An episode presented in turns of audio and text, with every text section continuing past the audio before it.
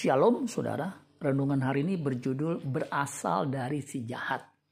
1 Yohanes 3 ayat 11 sampai 12. Sebab inilah berita yang telah kamu dengar dari mulanya, yaitu bahwa kita harus saling mengasihi, bukan seperti Kain yang berasal dari si jahat dan yang membunuh adiknya. Dan apakah sebabnya ia membunuhnya? Sebab segala perbuatannya jahat dan perbuatan adiknya benar terjemahan Alkitab yang terbuka 1 Yohanes 3 ayat 12 dikatakan jangan menjadi seperti Kain yang berasal dari yang jahat dan yang membunuh adiknya. Dan mengapa Kain membunuh adiknya? Sebab perbuatan Kain jahat dan perbuatan adiknya benar. Kain membiarkan dirinya diwarnai dengan iri hati dan dengki serta kebencian sehingga menjadi jahat. Kejadian 4 ayat 4 sampai 5 Habel juga mempersembahkan korban persembahan dari anak sulung kambing dombanya, yakni lemak-lemaknya. Maka Tuhan mengindahkan Habel dan korban persembahannya, tetapi Kain dan korban persembahannya tidak diindahkannya. Lalu hati Kain menjadi sangat panas dan mukanya muram. Kejahatannya yang dilakukannya memang sudah mengkarakter.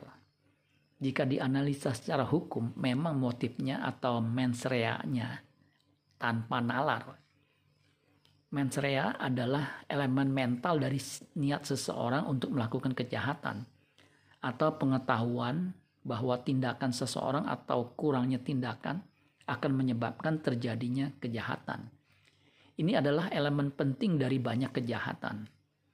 Unsur actus reus adalah esensi dari kejahatan itu sendiri atau perbuatan yang dilakukan.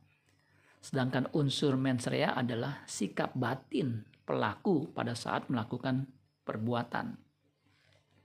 Janganlah seperti Kain yang membuat Tuhan menyesal.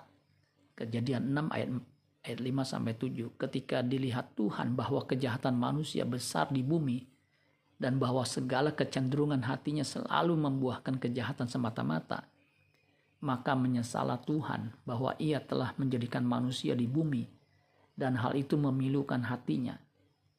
Berfirmanlah Tuhan, aku akan menghapuskan manusia yang telah kuciptakan itu dari muka bumi, baik manusia maupun hewan, dan binatang-binatang melata dan burung-burung di udara, sebab aku menyesal bahwa aku telah menjadikan mereka. Amin buat firman Tuhan. Tuhan Yesus memberkati. Sola Gracia.